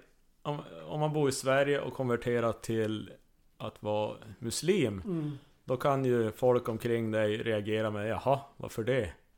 Men om du däremot är muslim i ett muslimskt land och konverterar till en kristen Då, då kan det skapa problem. Ja, det, ja, det Varför finns- gör det det? Ja, så det, det är den här äh, som jag sa till dig inledningsvis. Alltså det finns... Eh, eh, sharia tvingar dig inte att... Eh, alltså det finns inte ett straff. Det som, eh, det som eh, eh, är straffbart, det är att om en konvertit konverterar och driver en propaganda mot det man hade lämnat, alltså oschysst propaganda, alltså eh, emot rent, rent så att säga snudd på hat och, och, och aggressivitet mot det. Men om du är, har konverterat av, eh, av, av eh, övertygelse, det, det är din fråga, det är du som äger frågan, så det finns inte. Men Ja fast riktigt så är det ju inte de här länderna där de... absolut, ja, ja. Det finns ju underjordskyrkor. Där de är muslimska på Ja. dagarna. Och så sen då någon gång så träffas och... Alltså de är omvända kristna. Fast de är... De kan inte vara det offentligt. De Ja, måste det- vara det- muslimer Ja, offentligt. ja det, det är sant. Men det här det är också kan finnas eh, eh, korrump- i korrumperade samhällen där man hittar, för att jag ska dölja mina tillkortakommanden i vardagen, då kan jag ge mig på den här svaga gruppen eller rädda gruppen för att växla, eh, växla liksom strålkastarna mot den här frågan. Då, då har jag liksom, vi, vi är emot de här som vi eh, Eh, döper dem till, till fiender eller någonting. Absolut, det, fin, det finns som... I Saudiarabien du kan inte konvertera eh, öppet. Men går du till Tunisien. I Tunisien det finns eh, kristna, i Marocko det finns kristna, judar, ateister. Eh, när jag var ung och började jobba, eh, av ett gäng på, tror jag vi var 12-13 personer. Jag var yngst i det här eh, gänget. Vi har tre, tre, tre ateister, varav två av dem, vi är så här tajta. Jag går och ber, alltså vi sitter och pratar och bla bla och så vidare. Och sen jag, jag går och ber. Uh, ja men okej, ja, men vi ses senare och så vidare. Jag fick veta det att de är ateister sen länge när det har varit en konflikt med en annan. nu, nu religiös, nu muslim så att säga. Så, som eh, sådär fundamentalist bokstavstrogen. Så det var en konflikt och eh, fick jag veta liksom att, eh, att, att han är den en av dem är extrem ateist och så vidare. Och vad är problemet? För mig var det inte problemet, så vi fortsätter så jobba tillsammans, göra saker tillsammans och så vidare. och Så vidare. Så att det, det varierar, men som du säger, det första man reagerar på, det är att straffa den som har konverterat och inte eh, brist på, på, på, eh, på respekten på, på individen. Ja, det krävs ju inte så många som ska vara visa sig hotfulla för att det ska vara ett hot. Nej, definitivt inte. Definitivt inte. Men som jag sa till dig, det enda som kan vara straffbart det är att den som konverterar ska inte driva kampanj medvetet, speciellt utan kunskap mot... Eh, nu, nu i många länder det finns tv-debatt just mellan alltså, båda är muslimer. Men den andra kanske är liberal, den andra är bokstavfundamentalist. Att den här, eh, nu till exempel det pratas om, eh, om, om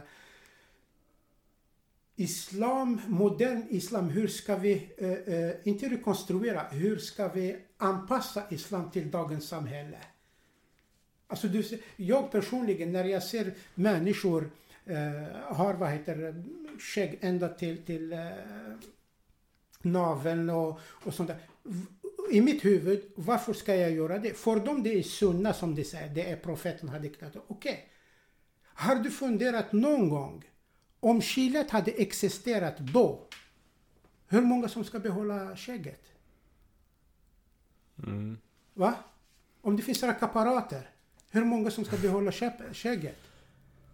Om det har funnits kostymer, om det har funnits Levi's, om det har funnits... Uh... Ja men det är ju ett kulturellt arv.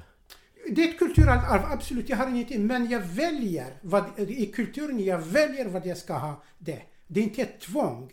Att jag ska imitera någonting som hade gjorts, uh, som hade man... Men en grej, nu kanske jag byter spår lite grann, ja. men det är det här med att man ska gifta bort sina döttrar till kusiner och sånt här. Ja. Och jag fick det där förklarat av mig, att det handlar egentligen om att man behåller mark inom familjen. Det är det ursprunget i det kulturella arvet där att om du... Om du det är ju om du har din bror som ni äger mark och så sen då kan era barn gifta er med varandra. Då, då behålls den här marken inom släkten. Så att det var ju där någonstans det började. Nej, alltså, det, det, är någonting som kan hända, ja. Att man, att man gifter, att man gifter Ja, men jag menar inte att det är så idag. Ja. Men att det var grunden till det här kulturella... Nej, utan det... normalt, normalt giftermål, för det första, det, även muslimer. Jag kan hävda att kanske 90 procent muslimer i Skellefteå ska inte kunna svara på den här frågan. Men jag kan säga att 90-95 procent att de har fel i sina resonemang. Att gifta sig, att gifta liksom bort din dotter eller så som muslim. Om kvinnan, om din dotter säger nej, jag vill inte gifta mig med Leif. Hon behöver inte säga anledning. Hon kan vara hur rik som helst, hur snygg som helst, hur alltihop va. Jag vill inte gifta mig med honom, jag vill gifta mig med någon annan. Då, hela giftermålet är bortblåst. Men trots allt finns det exempel där de påtvingas. Det är inte bara exempel, det finns massor av exempel. Jag har två systrar. Mm. En hade nyss fyllt 65 år. Hon gifte sig när hon var 17 år. Hon, gick inte, hon stoppades från skolan av mina föräldrar, eh, var hemma, bla bla. Och sen då eh, hennes mans familj och pappa och, och, min pappa, de känner varandra. Ja, de, de satt och, drack och, och så kom överens, ja men då vi kommer och hälsa. Ni är välkomna. Och det var pang, pang, fupp, det är gjort. Varken han eller hon, min syster, hade sett varandra. Utan det är föräldrarna hade förhandlat, klart, klart, ja, varsågod. Och sen pang, bom. Nu hon har hon fem barn, eh, sex barnbarn och fortfarande gift och liksom allting. Den andra som är hon är... Alltså hur vart det? Började de älska varann? Va? Älskar de varann? Nej, nej, nej. Det är första gången de träffades. Jo, jo, jo. Men de har ju levt med varann. Ja. Kom kärleken? Ja, alltså man säger så här att man bygger kärleken tillsammans. Ja, jag är gift. Jag vet att man måste... Man kan inte bara lita på den första förälskelsen. Man måste jobba för det också. Ja, äh, jag förstår det. Men i det här, i det här fallet och många miljoner, hundratals miljoner andra, så fungerar det. Alltså man träffas pang sådär. Uh, och hon är sju år äldre än min yngre syster. Uh, min yngre syster, hon hade haft möjlighet att gå skolan längre tid, utbildat sig. Hon hade äh, jobbat i, ja nu är hon är pensionär till och med. Och, eh, därför det finns ett pensionssystem, vi ska inte ta upp det. Men, men hon är i alla fall, nu är hon pensionerad lärare och jobbar extra och så vidare. Hon eh, gifte sig, hon träffade sin kille ute. Jag vet inte om det är på skolan eller hur, hur det var. Och sen killen skickade sina föräldrar till mina föräldrar. Eh, och de pratade med varandra, fortsätter träffas, bestämde, det, bestämde de vad heter, bröllopsdagen. Pang, pang. Och de är gifta fortfarande. Aha. Men jag säger inte att så fungerar på allting. I dagsläge det är väldigt, väldigt svårt att du ska tvinga en 16-17-åring att gifta sig med någon som hon aldrig sett. Ja, jag alltså, förstå det. De, de, har mobilen, de har internet, de har alltihop och så vidare. Glöm det. Däremot det förekommer fortfarande på delar. Om tar, Algeriet är fem gånger större än Sverige till, till yta. Det finns eh, kanske ett 50-tal olika... Men om det är en invandrad familj så kan ju det var så att de unga i familjen har liksom tagit till sig svenska kulturen medan föräldrarna inte har det på samma sätt ja. och de kanske vill göra som de är van. Ja, och där, och där det är en, en, en tragisk historia som, som händer i, i det här fallet. Och eh, det finns organisationer, det finns myndigheter som lägger mycket eh, kraft och, och, och, energi för att förhindra eh, sånt där. Uh, jag vet inte om ni hade, men jag, jag nämner det bara så. Se filmen När mörkret faller. Det är en gammal film från uh, 2000, tidigt 2000 tror jag. När mörkret faller så du får en inblick i just den här uh, problematiken. Hur, hur det vi ska hinna med ett par saker till så vi lämnar det här nu. Mm. Alltså jag, jag, har några begrepp, islamska begrepp som jag skulle vilja fråga vad de betyder för mm. dig. Eh, vad är haram? Haram det är enkelt, det är förbjudet. Punkt slut, alltså oförhandlingsbart. Oförhandlingsbart, ja. och vilka saker är oförhandlingsbara? Alltså alkohol, eh, sexuell umgänge utanför eh, äktenskap. Eh, griskött. Eh, griskött eh, att göra olagliga, bryta mot lagar. Och lagar, det behövs inte vara muslimsk. Alltså eh, mot svenska lagar. Därför det här ska jag också för, eh, i mig tid, jag ska förklara en sak. Det har funnits, eller det finns de som eh, är muslimer eller eh, då begår ett fel. Alltså kanske bröllop, tvinga sin dotter och så vidare. Sveriges lag säger förbjudet att gifta, sig, gifta bort barn i, i låg ålder och sådana grejer. Va? Och då säger jag, ja men du, vi gör så här i mitt eh, hemland eller någonting och så vidare. Eller jag är muslim. Och här kommer en grej som... Det, du har rätt som muslim att hävda dina ursprungliga lagar. Om du är gäst i det här landet för en kort period. Och den här kortperioden som gäst, den utsträcks alltså till max 40 dagar. En månad och 10 dagar. Så du kan inte åberopa eh, att det ska tillämpas eh, lagar som i ditt hemland jämfört med Sverige. Därför här i Sverige när du har fått, oj, när du har fått uppehållstillstånd från den dagen du, du omfattas av landets lagar. Även om du har varit här i bara en vecka. Därför du är medborgare. Ska jag sammanfatta det här? Ja. Om en muslim är här i mer än 40 dagar får de ta seden dit de kommer. Ja. När, ja. Det, när, det, gäller, när det gäller lagstiftningen. Ja. Sen du får, du får fasta, du får gå till moskén, du får be, du får och så vidare. Ja. Mm. Man får inte dricka. Nästa fråga. Vad är sharia? Sharia det är som motsvarande rikets lag. Det är lagstiftningen. Och hur viktigt är det? Ja, den är lika viktig som alla lagar som finns i, i, i alla samhällen så att säga. Alltså det finns väl i utsatta områden idag, jag vet inte vad de kallas. Eh, Sharia-poliser. Mm. Vad är, va- varför finns de? Eh, alltså, jag, jag vet inte om jag ska kalla dem det, men vad jag hade läst till mig och den information som jag har är dessa är, eh, det är kriminellt betingad.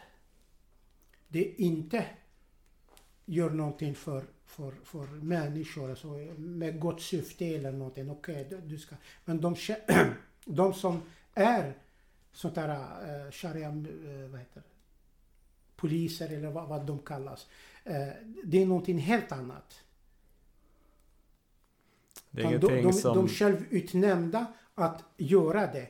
Och inom sharia, du kan inte eh, Även om du är kunnig eller något och sen du måste gå till en referensgrupp eh, eh eller de som bestämmer i det samhället och du erbjuder dina tjänster med dina kunskaper, din eh, kompetens din, för att om du ska eh, eh genomföra, eh, genomföra någonting liknande. Och det finns sånt här också bland de här eh, förortsområdena, utsatta områden i Stockholm och Göteborg och Malmö. Men där då jobbar de med svenska myndigheter, inte för sig själva. De här som du nämnde, de jobbar på egen bevåg. Alltså, Men som jag förstår Sharia så är det hur du personligen ska uppföra dig. I grunden ja. Ja, och, och ska, betyder det att man ska se till att andra uppför Nej. sig rätt då? Nej, nej, absolut inte. Eh, sharia det är en lagstiftning. Det är inte... Eh, Men det, när det är lagstiftning då brukar det vara ett rättvä- rättsväsende som upprätthåller lagen. Exakt. Ja, exakt. Det är inte du som själv, du ska tillämpa lagen. Du, du, du ska tillämpa sharia så här. Det finns en institution som är ansvarig att tillämpa sharia. Men du som individ, du kan inte göra det. Även om du har rätt gentemot eh, Leif, så du, måste vända dig till, som vi gör här i Sverige. Vi har en konflikt du och jag, jag köpte en bil av dig, och så det utvecklas till en konflikt. Så vi går till eh, en myndighet eller till en eh, domstol och ska vi, ja, i det här fallet reklamationsnämnden så att säga. Så, men, men det, domstolen ska vara eh, den avgörande organet. Och domstolen är eh, tillsatt av eh, statsmakterna och det är det som gäller. Däremot de här som du nämnde, du nämnde eh, eh, sharia-poliser, de är självutnämnda. Och det faller, det faller deras legitimitet i, inom islam. Hur viktig är slöjan? Eh, eh, den är viktig för de som vill bära den eh, själva. Mm. Där också det finns en konflikt. Alltså, eh, eh, går du på stan om du ser eh, tio, tio kvinnor med, eh, vi, ser, vi, vi ser tio muslimska kvinnor. Kanske eh, två, tre stycken bär slöja. De andra eh, inte har det. Eh, men fokusen, hela grejen fokuseras på de här två eller tre. Och de andra, de också är, mus, är muslimska. Jag kan inte säga att alla är korrekta eller om de här som bär slöja är, är, är, korrekta. Grejen det är att de som bär det, de ska bära det. Eh, de uppfostras av sina föräldrar, alltså, men de alltid har rätt att bestämma om de ska ha det eller inte. Mm. Nej men om vi går vidare så är nästa sista punkten eh, kristendom och islam och den första är väl en samhällsfråga och sen är det en teologisk fråga jag har. Eh, I det svenska samhället är kristendomen borta ur vardagen kan man ju säga men lagen och rättsväsendet är starkt präglat av kristnandet. Till exempel synen på straff. Eh, Hur skulle du beskriva att skillnaden mellan länder som har islam som religion och kristna länder? Eh, alltså det är bra att du sa skillnaden mellan länder som har islam som religion. Eh, eh, och det här ligger konflikten. Alltså ett land som är muslimsk, det är inte per automatik att de är rättvisande. Tvärtom, här skulle jag säga Sverige är, eh, som land är mer som inte är muslimskt och inte kristet eftersom man skilde eh, kristendomen från staten.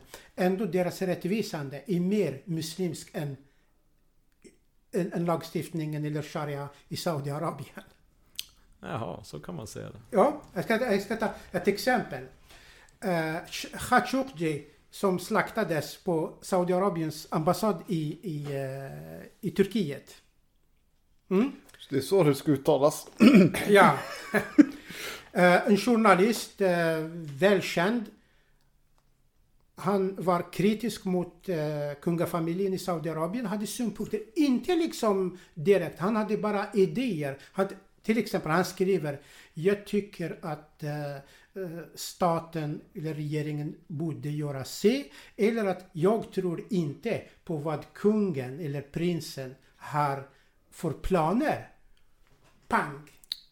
Och då går, vad heter 15 personer, åker med två flygplan, slaktar honom och plötsligt så ingen vet vem som hade slaktat honom och så vidare. Normalt, normalt i eh, ett välorganiserat muslimskt land där, där sharia tillämpas bokstavligen och till 100 procent. De har 15, inklusive kungen, ska åka dit. Mm -hmm. Men plötsligt, än idag, ingen. Det är bara spekulationer. Men alla som följde nyheten, eller fallet, de vet att det är en, ett beslut från eh, grundprinsessan Mohammed bin Salman. Ett exempel. Mm. Ja, vi har kört på ett tag. Egentligen har jag bara en fråga kvar och det är en teologisk fråga. Och egentligen så handlar det om varför jag som kristen inte förstår mig på Islam. Och jag ska dra det här. Eh, både Islam och kristendomen baseras på judarnas heliga skrifter. Eh, och Jesu gärning. Jesus för muslimerna som den största profeten av alla. Och för kristna som Guds son. Jesus kom med budskapet om kärleken, förlåtelsen och nåden. Gud gav detta till människan, mänskligheten. Varför skickade Gud, Fader allsmäktige skapare, 500 år senare en till profet som talade om lagen, kampen, jihad. Jag förstår inte här. Ändrade Gud uppfattning?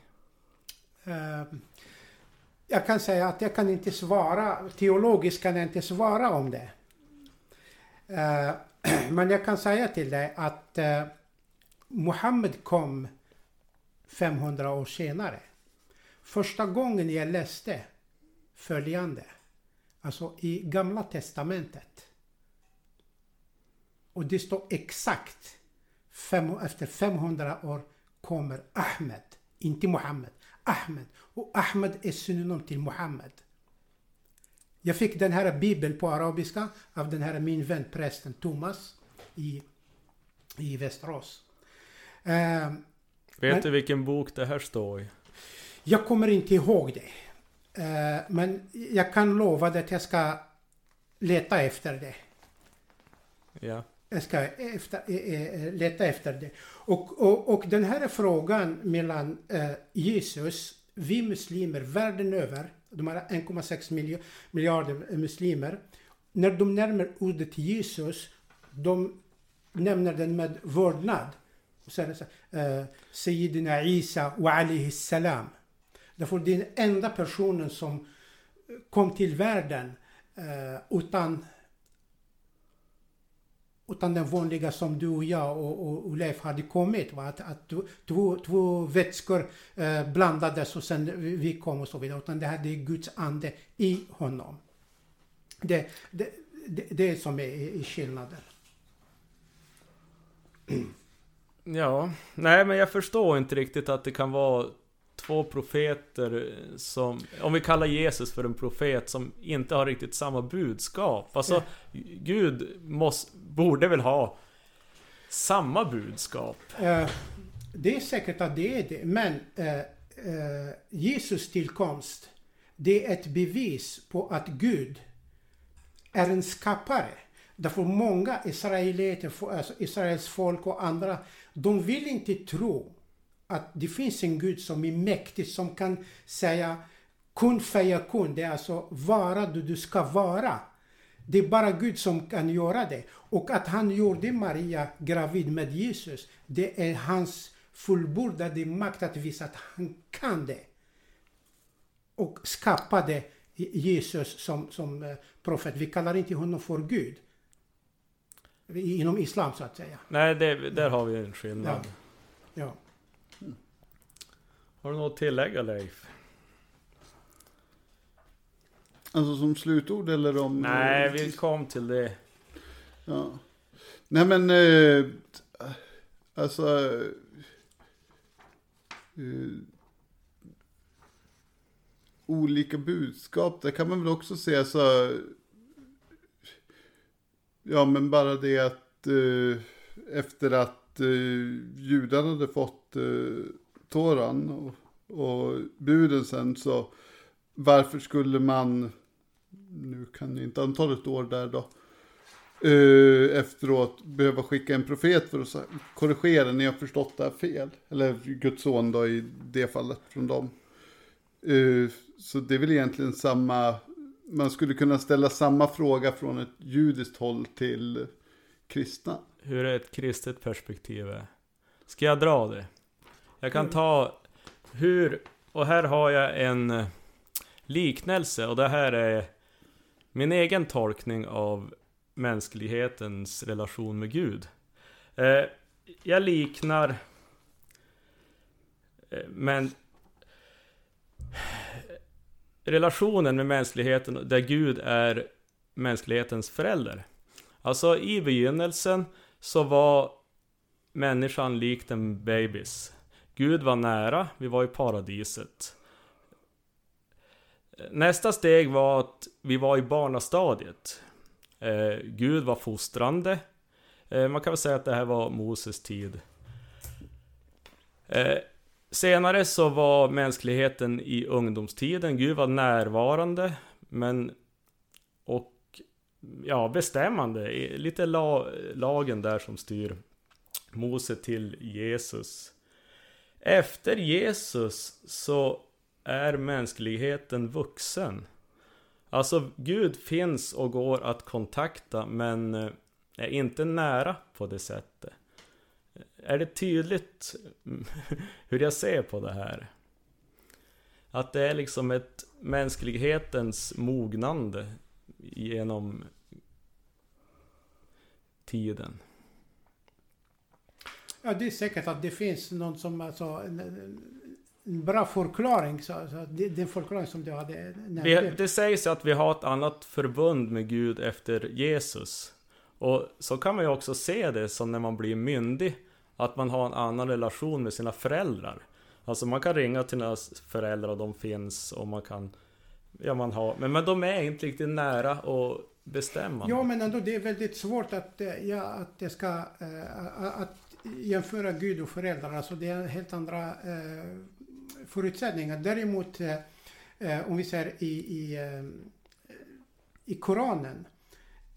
Profeten Muhammed, det står där om honom eh, att han är den sista av profeterna.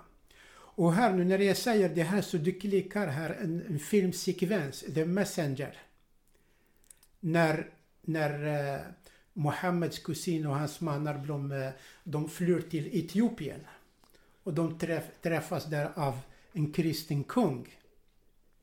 Och de kom, eh, eh deras fiende från Quraysh, också de är eh, de är araber men de eh, vill inte acceptera Mohammed och de är inte ens kristna heller. Så de är som ateister liksom. Eh, de, de, de avgudar, vad heter det? statyetter och så vidare. Och så, vidare. så när de kom till Etiopien, kungen tog dem och sen kom de andra och de hade sökt refuge hos honom. Eh, och de skulle fängslas och de skulle... De, and, de säger till dem, men du, de säger att eh, kvinnor är lika som män och kvinnor har rättigheter och, och kvinnor... Under den tiden, eh, under Quraysh tid, alltså före Islam, eh, när någon får ett barn som är flicka, de begraver den levande. De vill ha ba bara pojkar och sen det utvecklades att det var så. Men som den här kungen sa till en av de här männen, kan du berätta vad säger eran Gud? Och då började citera eh, vissa passager från, eh, från, från, från Koranen. Sen han kom fram till honom och med sitt käpp drog en linje på sanden. Han sa skillnaden mellan eran tro och våran tro är inte tjockare än den här eh, linjen. Så ni får titta på det. Alltså den tror jag, eh, om det var Anthony Quinn som var eh, huvudrollsinnehavaren eller något liknande. Uh, Mohammed, uh, om vi säger Mohammeds föräldrar, var de uh, judar, kristna eller? Nej, alltså de tillhör en, eh, en folkgrupp som heter Quraysh som de var dominerande okay. i, i Mekka. Uh, alltså de, de, de, är rika, de uh, ja, äger liksom allting. De var mäktiga, ja. Ja, okej. Okay. Mm.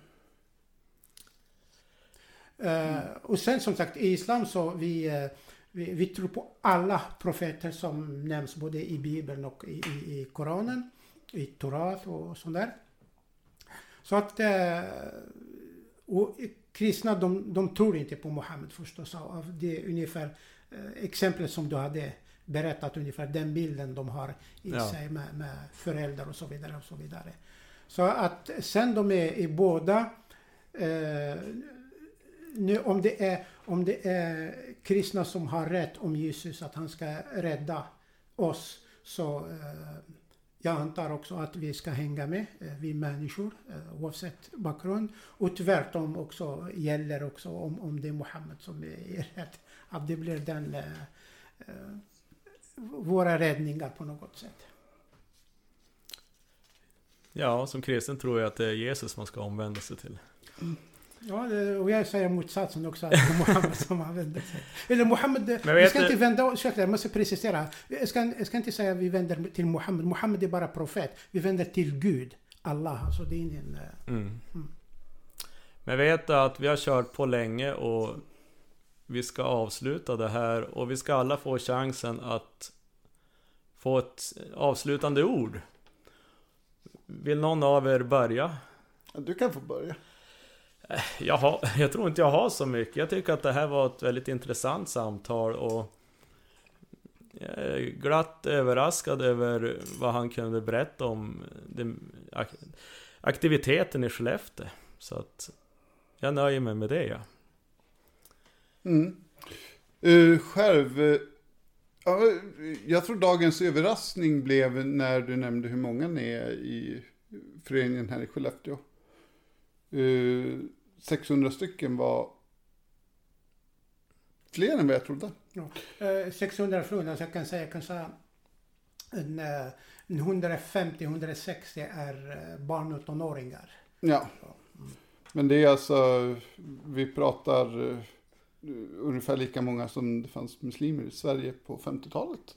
Mm. För att jämföra siffrorna. Ja, ja just det. Uh, det var väl dagens lilla överraskning. Och sen så är det ju alltid den här...